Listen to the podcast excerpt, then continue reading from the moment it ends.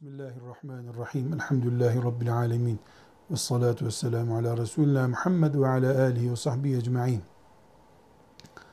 İnsan ihtiyaçlarıyla ancak yaşayabiliyor. Midemizin ihtiyaçları var, beynimizin ihtiyaçları var. Maddi bir sürü ihtiyaçlarımız var.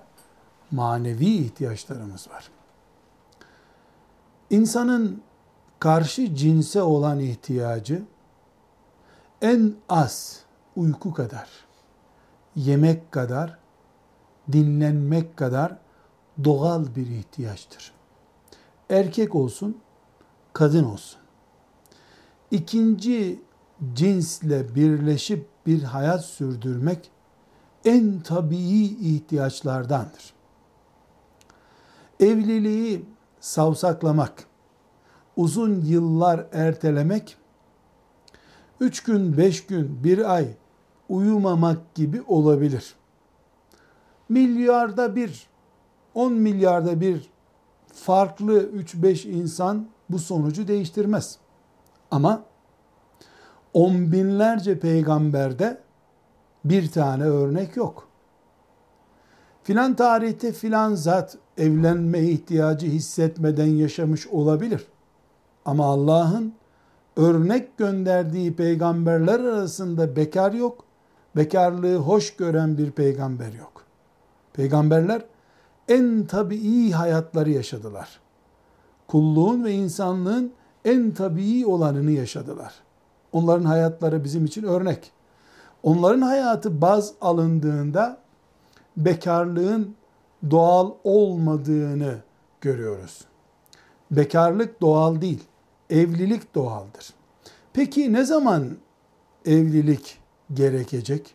Evlilik kaç yaşında oluşmalıdır? Bu sorunun cevabını şu şekilde verelim.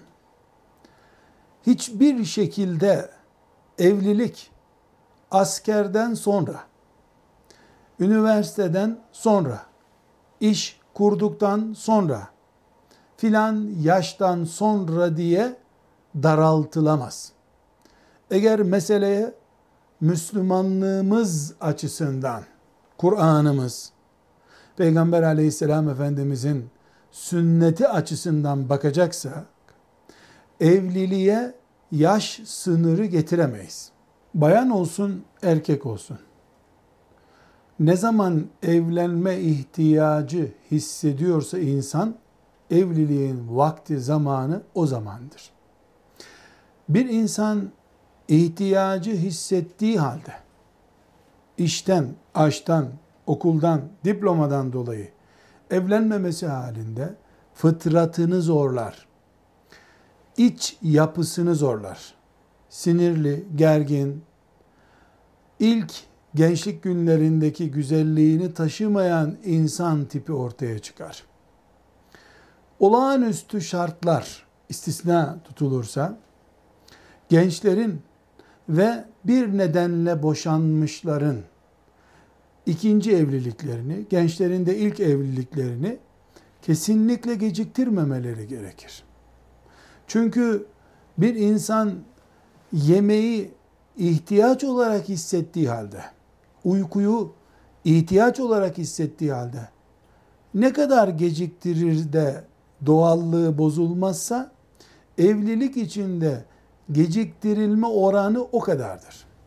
Eğer tabii bir hayat, iyi bir kulluk hayatı yaşamak istiyorsak, bunun gereklerinden biri evliliktir. Çocuklarımızı yokuşa sürerek onlardan iyi bir insanlık, iyi bir evlatlık bekleyemeyiz. Vakti gelen evlenmelidir.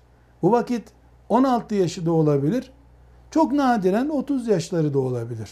Ama en tabii olanı 20'den itibaren kız ve erkek muhakkak evlilikle ilgili süreci başlatmalıdırlar.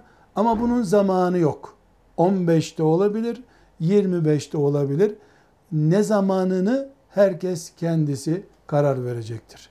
Velhamdülillahi Rabbil Alemin.